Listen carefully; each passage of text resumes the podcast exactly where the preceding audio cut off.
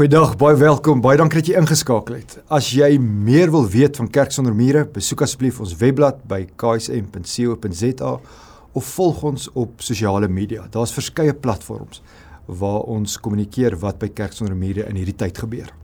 Ons is besig met hierdie reeks wat kom uit die Efesiërsbrief wat Paulus geskryf het en vandag se boodskap gaan alles daaroor dat God van jou hou, dat God lief is vir jou. Kom ons begin hierdie erediens met 'n gebed, met 'n gebed en ek bid vir ons die gebed wat Paulus vir die mense daar in Turkye bid in Efesiërs hoofstuk 3. Kom ons doen 'n gebed saam. Vader ons kniel in gebed voor U. Here ons as die gelowiges op aarde het ons bestaan Here net aan U te danke. Ek bid Here dat U ons innerlik sterk sal maak. Here gee aan ons U krag. Vader, mag jy die Here Jesus Christus deur die geloof in ons harte woon. Mag ons in die liefde gewortel en gegrondves wees. Heilige Here, mag ons in staat wees om saam met al die ander gelowiges te begryp hoe wyd en ver en hoog en diep die liefde van Christus strek. Mag ons Christus se liefde ken, liefde wat ons verstand te bowe gaan. En mag ons heeltemal vervul word met die volheid van God. Here, U doen veel meer as wat ons dink. U doen veel meer as wat ons bid. Mag ons U woorde hoor. Mag ons U liefde begryp. En Here, mag ons vanuit U liefde leef. Amen. Ek lees vir ons 'n gedeelte van hierdie gebed in Efesiërs hoofstuk 3. Paulus sê die volgende aan die gelowiges daar in die stad Efese. Hy sê: "Mag julle in staat wees om saam met al die gelowiges te begryp hoe wyd en ver en hoog en diep die liefde van Christus strek. Mag julle sy liefde ken. Liefde wat ons verstand te bowe gaan. Vandag se hele boodskap draai om hierdie waarheid, dit draai om hierdie belydenis dat God lief is vir ons. So as ek sommer so aan die begin van die diens net 'n vraag kan vra, 'n 'n baie praktiese vraag. Wat dink jy dink die Here van jou? As jy dink aan jou verhouding met die Here, hoe voel die Here oor jou? Wat dink jy dink God as hy aan jou dink. So 'n interessantheid wat ons dink, die Here van ons dink, wanneer hy aan ons dink, het 'n groot invloed op hoe ons as kinders van die Here oor ons hemelse Vader dink. Dit is interessant, ons dink hoofsaaklik aan die Here op drie maniere. So ek wil sommer net drie perspektiewe met julle deel oor hoe ons dink die Here oor ons voel. Ons dink baie keer en dis dis nou regtig baie prakties. Ons dink baie keer die Here voel oor ons soos wat ons oor onsself voel. So wanneer ons 'n goeie dag, wanneer ons op 'n geestelike, op 'n morele, op 'n etiese vlak 'n goeie dag gehad het, dan dink ons die Here hou van ons. As ons vroeg opgestaan het, Bybel gelees het, as ons nie op ons huismense geskree het nie, as ons hard gewerk het, as ons eerlik was, as ons 'n 20 randjie vir die ou op die hoek gegee het, dan dink ons die Here is tevrede met ons. Ons voel goed oor onsself en dan dink ons die Here sal glimlag, die Here sal sê jy het 'n goeie dag gehad. Maar die ander kant is ook waar. Wanneer ek en jy 'n slegte dag gehad het, wanneer ons verkeerde goed gedoen het, wanneer daai gewoonte wat elke nou en dan sy kop uitsteek ons weer in sy mag gekry het. Wanneer ons nie so so heeltemal eerlik was daar toe ons onderhandelings gedoen het in die in die direksiekamer. Wanneer ons verkeerde goeders doen, dan dink ons die Here hou nie van ons nie. Dan dink ons hy is ontevrede met ons, dan dink ons ons ons is kinders wat nie liefgehê word deur ons Vader nie. So ons dink baie keer die Here dink aan ons soos wat ons oor onsself dink. Ons dink die Here voel oor ons soos wat ons oor onsself voel. Maar dan 'n tweede perspektief. Ons dink baie keer Die Here voel oor ons soos wat ander mense oor ons voel. Ons almal vir ons het vroeg al geleer dat ons dade baie belangrik is. Hier voorskool op kleuterskool het ons vinnig agtergekom as jy die verkeerde goeders doen, is jy in die moeilikheid en dan skuif die mense jou uit. My kind is 3 jaar oud en wanneer hulle stout is of wanneer hulle iets verkeerd gedoen het, moet hulle op die dinkstoel gaan sit. Hulle word gestraf. Nou moet hulle daar gaan sit. Hulle mag nie deel wees van die groep nie. En dis so ook vir die volwasse lewe. Die mense wat saam met ons leef, jou kollegas, die mense daar saam in die ouer huis en in die, in die aftreeoorde, hulle hou jou dop en hulle kyk na dit wat jy doen. Hulle hoor wat jy sê, hulle kyk na die boodskappe wat jy via WhatsApp of via e-pos stuur. Dan vel hulle oordeel oor jou op grond van jou aksies. En as dit goeie aksies is, aanvaar hulle jou. As dit slegte aksies is, as jy verkeerde goeders doen, dan skuif hulle jou uit.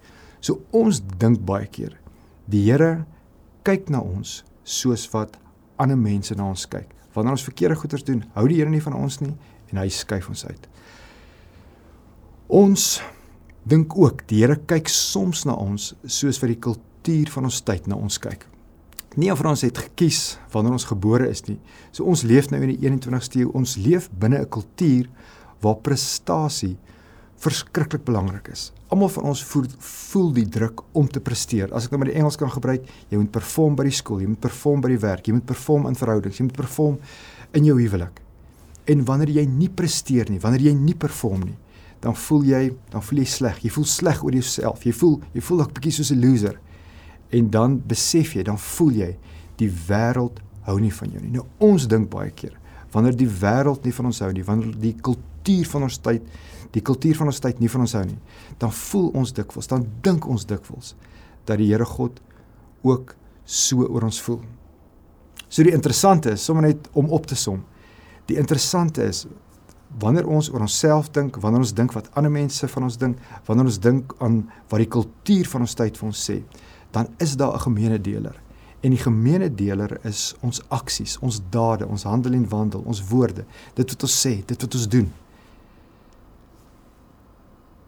Wat ek vandag wil sê is dit dit kan verkeerd wees. Dit kan wees dat die Here God nie na ons kyk soos wat ons na onsself kyk nie. Dit kan wees dat die Here God nie oor ons voel soos wat ons dikwels oor onsself voel nie en soos wat ander mense oor ons voel nie en soos vir die kultuur van ons tyd oor ons voel nie. Net 'n idee. Dink daaraan. Miskien dink God heeltemal anders oor ons. Miskien voel God heeltemal anders oor ons. Die die Bybel, die Heilige Skrif sê vir ons God is lief vir ons. Die Heilige Skrif sê vir ons God is liefde. Ons ons leer veral in die Nuwe Testament dat God nie na ons kyk deur die lens of deur die filter van ons sondige dade nie. God kyk nie na ons soos wat ons na onsself kyk nie. God kyk nie na ons soos wat ander mense na ons kyk nie. En ons sien dit veral in die vier evangelies. So ek kan met absolute vrymoedigheid sê, God is lief vir ons. God hou van jou op grond van dit wat ons lees van Jesus Christus in hierdie vier dokumente wat Matteus, Markus, Lukas en Johannes vir ons geskryf het. Die interessante is in die evangelies sien ons dat daar mense is wat glad nie soos Jesus is nie. Maar tog is hulle baie lief vir Jesus. Hulle hou baie van Jesus. En dan kom ons agter Jesus hou baie van mense wat glad nie soos hy is nie. Interessant, toe Jesus met sy aardse bediening begin het, was daar bykans altyd twee groepe mense wat saam met hom beweeg het. Daar was die ouens wat die wet onderhou het. Hulle was die sogenaamde die goeie mense, die fariseërs, die skrifgeleerdes, die wetgeleerdes. Hulle was die godsdienstige mense. Maar dan was daar 'n ander groep wat ook altyd vir Jesus gevolg het. En dit was die dit was die slegte ouens. Dit was die ouens wat nie die wette gehou het. Dis die ouens wat die wet van die Ou Testament gebreek het. Dit was die sondaars en die tollenaars. Die interessante albei groepe het so saam met Jesus beweeg en Jesus het alles in sy vermoë gedoen om aan beide groepe te wys dat God nie na ons kyk soos wat ons na onsself kyk nie dat hy nie oor ons voel soos wat ander mense oor ons voel nie en dat hy nie oor ons voel soos wat die kultuur die tydsgees van ons dag oor ons voel nie en hierdie waarheid bereik 'n klimaks toe Jesus op 'n dag drie stories vertel. Jesus kry dit reg om beide groepe in te trek. En Jesus kry dit reg dat beide hierdie groepe, die goeie ouens en die slegte ouens, saamstem oor 'n bepaalde punt. Ons lees daarvan in die middel van die Lukas Evangelie. Ek lees net vir ons Lukas 15 die eerste 2 verse. Daar sou staan: Die tollenaars en sondaars het almal, interessant, dit was nie net 5 of 10 van hulle nie, almal hulle, die tollenaars en sondaars het almal die gewoonte gehad om na Jesus te kom luister. Hierteen het die goeie ouens, die fariseërs en die skrifgeleerdes beswaar gemaak en gesê: Hierdie man ontvang sondaars en eet selfs saam met hulle, die fariseërs, die wetgeleerdes, die skrifgeleerdes. Hulle kon dit glad nie verstaan dat iemand wat sê hy kom van God af, saam met goddelose mense tyd spandeer het nie. Dit was buite hulle denkvermoë dat Jesus saam met mense wat glad nie soos hy was, wou tyd spandeer nie. So Jesus vertel vir beide groepe drie stories. Hy begin hy sê daar was 'n boer, hy het 100 skape gehad, een raak weg en die boer gaan en hy gaan soek hierdie een skaap. Niks vreemds nie. Albei groepe knik hulle kop en hulle sê dis reg, ons sou dit ook gedoen het. Tweede storie, daar's 'n vrou, sy verloor haar muntstuk. Sy doen alles wat sy kan om hierdie muntstuk weer te vind, om die muntstuk terug te kry. En albei groepe, die goeies en die slegtes, sou ingestem het en gesê het: "Meester, dis reg, ons sou presies dieselfde gedoen het." En dan kom die Here en hy vertel aan hulle nog 'n storie. Wat belangrik is, dis 'n dis 'n baie emosionele emosionele storie. Dis 'n storie uit die hart uit. Dis 'n storie wat ons ken, maar onthou, hulle het nie die storie geken nie. Hierdie stories wat opgemaak is, dis dis stories wat Jesus opgemaak het, gelykenisse om 'n waarheid met hulle te deel. So Jesus vertel, daar was 'n pa wat twee seuns gehad het. En op 'n dag kom die jongste seun by die pa en hy sê en hy sê vir sy pa: "Pa, ek wil hê pa moet nou doodgaan. Pa leef net te lank. Ek soek my erfgeld. Pa leef te gesond. Pa pa oefen te veel." Pa se lewe is net te stresvry pa wil net nie doodgaan nie, maar ek ek is nou 'n bietjie moeg. Ek is moeg gewag. Ek soek nou 'n derde van pa se besittings en pa, ek soek dit in kontant asseblief. En toe beide groepe, die sondaars en die fariseërs, toe hulle dit hoor, toe sou hulle vir hulle self gesê het wat hierdie seun gedoen het is absoluut onaanvaarbaar. In beide groepe se denke sou dit nie reg gewees het wat hierdie jongste seun gedoen het nie. Hulle sou nooit kon indink dat daar weer 'n verhouding kon wees tussen die pa en die jongste seun nie. Onthou, ons ken die storie, hulle ken hierdie storie nie. Tot albei groepe se verbasing sê die pa, dis reg. En die pa gee min of meer 'n derde van sy besittings, 'n derde van sy geld vir sy jongste seun. Ons ken die storie, die, die seun gaan gaan na 'n ver land toe en hy hy mors die geld op. Hy's by prostituut, hy koop goed wat hy nodig het nie en kort voor lank het hy niks meer oor nie en hy sit in 'n varkhok waar hy van die varkpele moet eet. En dan en dan sê sê hy die volgende, dan dink hy die volgende, lees saam met my. Lukas 15 vers 17. Toe kom hy tot inkeer en hy sê: "My pa het wie weet hoeveel dagloners en hulle het almal oorgenoeg kos. En hier vergaan ek van die honger. Ek sal dadelik na my pa toe teruggaan en vir hom sê. So wat belangrik is, hy sit daar so in die varkhok en nou skryf hy 'n toespraak. Hy weet, hy kan nie net daar by die huis opdaag en sê, "Hy julle ouens, ek is terug nie." Hy weet hulle gaan hulle gaan woedend wees. Hy weet hulle gaan briesend wees. Hy weet hulle hulle soek hom nie daar nie of hy dink hulle soek hom nie daar nie. En hieso is nou sy toespraak en hy besef dit moet uit die hart uitkom. Hy besef hy moet hier keurig met sy taal omgaan. Hy sê: "Pa, ek het teen God en teen Pa gesondig. Ek is nie meer werd om Pa se seun genoem te word nie. Behandel my soos een van Pa se dagloners." So hy weet, hy dink hy hy gaan nie meer 'n seun in die huis word nie. Hy soek net 'n werk. Hy, hy soek net 'n job. En dan lees ons hy sonder versuim na sy pa toe teruggegaan en so sy huis toe stap oefen hy hierdie toespraak hy hy oefen sy speech en dan lees ons iets wat ek dink een van die belangrikste sinne in die Nuwe Testament is. As iemand ooit 'n geweer te my kop trek en vir my sê waar in die Nuwe Testament sien ons 'n prentjie van God die Vader op sy duidelikste, dan sal ek waarskynlik sê dis in die volgende paar woorde. Ons lees van die Pa en daarso staan: Toe hy nog ver aankom, het sy pa hom al gesien en hom innig jammer gekry. Kyk, kyk mooi na hierdie woorde. Kyk mooi na hierdie taal. Die die pa. Die pa voel iets. Hy beleef iets. Iets gebeur hierso in sy binneste. Hy beleef 'n baie baie baie sterk emosie. As ons dit kan kan bring na ons wêreld vandag in 21ste eeu. Het jy al ooit daaraan gedink dat wanneer die Here God na jou kyk, dat hy iets voel, dat hy iets beleef, dat hy 'n emosie beleef. Het jy al ooit daaraan gedink dat die Here van jou hou wanneer hy na jou kyk? Dink aan dink aan jou op jou slegste dag.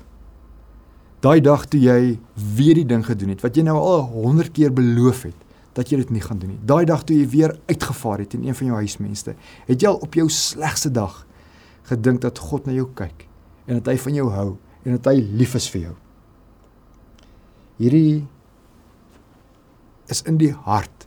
Dis in die kern van wat ons van God by Jesus Christus leer. Die Vader hardloop hom tegemoet. Hy omhels hom en hy soen hom. En toe sê die seun vir hom: "Dou die seun is nou reg met sy praatjie. Hy's reg met sy toespraak." Die seun sê: "Pa, ek het teen God en teen Pa gesondig. Ek is nie meer werd om Pa se seun genoem te word nie." Maar die Pa onderbreek hom soos die pa hom druk en soos die pa daar staan letterlik in die Grieks het op sy op sy op sy skouers geval. Soos die pa hom druk, soos hy hom soen, onderbreek hy hom en hy sê net hierdie bekende woorde: "Maak gou, bring klere, die beste en trek dit vir hom aan. Sit vir hom 'n ring aan sy vinger en trek vir hom skoene aan en bring die vetgemaakte kalf. Slag hom en laat ons eet en feesvier. Hierdie seun vir my was dood en hy lewe weer. Hy was verlore en ek het hom teruggekry." En toe het hulle begin feesvier. Gemeente, kerk sonder mure, vriende van kerk sonder mure. Die Here God is liefde. Die Here God is lief vir jou. Die Here God is 'n God wat van jou hou. Die interessante is, ons default setting is om te sê, "Maar wag bietjie." Een van julle kan ook sê, "Maar Niels, jy kan dit nie sê nie want jy weet nie wat ek al gedoen het nie. Jy weet nie waarmee ek besig is nie." Jy weet nie wat ek gedoen het toe ek oor see was of toe ek in die Kaap was of jy weet jy weet nie waarmee ek tans besig is nie. Die Here God is nie God wat deur die filter of deur die lens van ons sondige dade na ons kyk nie. Die Here kyk op 'n ander manier. Hy kyk deur Jesus Christus na elkeen van ons. As die sondaars en die tollenaars vir Jesus na die storie sou gevra het, maar Jesus wag bietjie. Sê u sê u nou vir ons dat God lief is vir ons, dat dat hy van ons hou. Ons mag eers naby die tempel kom nie. Sou Jesus hulle stip in die oog kyk het en gesê, ja. God is 'n God van liefde. Hy soos hierdie pa, hy's lief vir jou en hy hou van jou. Paulus, hierdie hierdie groot apostel, hierdie apostel wat met die hand deur God uitgekies is. Hy skryf hieroor in Romeine 5 vers 8 waar hy sê en ek sluit vir ons af so dit wat met dit wat Paulus sê en dit wat Johannes sê.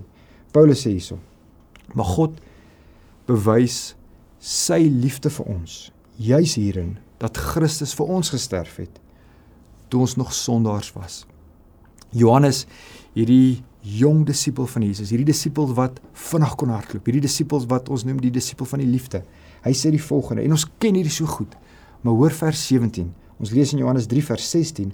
God het die wêreld so lief gehad dat hy sy enigste seun gegee het sodat die wat in hom glo nie verlore sal gaan nie, maar die ewige lewe sal hê. En dan lees ons in vers 17. God het nie sy seun na die wêreld toe gestuur om die wêreld te veroordeel nie, maar sodat die wêreld deur hom gered kan word. Jesus sê op 'n stadium: Ek het nie gekom om te oordeel nie. Ek het gekom om te red. Gemeente, mag ons mag ons al hoe meer hierdie waarheid omhels. Mag ons uit hierdie waarheid leef dat God 'n God van liefde is. As dit 'n waarheid is wat vir ons kop na ons hart toe gaan gaan, gaan dit elke verhouding waar binne ons staan verander. Ons gaan ander mense makliker kan vergewe. Maar selfs belangriker, ons gaan onsself ook makliker kan vergewe. Daarom hierdie woorde van Paulus mag ons begryp hoe wyd en ver en hoog en diep die liefde van Christus strek. Hierdie liefde wat ons menslike verstand te bowe gaan. Amen. Kom sit so en kom kom ons doen 'n gebed saam.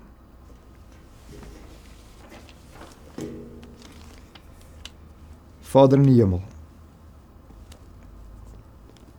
U gedagtes is nie ons gedagtes nie. Here, u optrede is nie soos ons optrede nie. Here, u is God en ons is mens en u u dink nie soos ons nie. U dink glad nie soos ons nie. Here saam met Paulus en saam met die vroeë kerk in in Europa wil ek sê o diepte van die rykdom en wysheid en kennis van God. Hoe ondeurgrondelik is u oordeele. Hoe onaspeurlik is u weë. Here, wie ken u bedoeling? Wie gee u raad? Wie bewys u 'n guns sodat u verplig is om iets terug te doen? Uit u en deur u en tot u is alle dinge. Aan u Vader behoort die heerlikheid tot in ewigheid. Vader, kom kom wees ons genadig. Here, U ken elkeen van ons. U ken elkeen van ons se harte. U U weet wat in ons huise aangaan.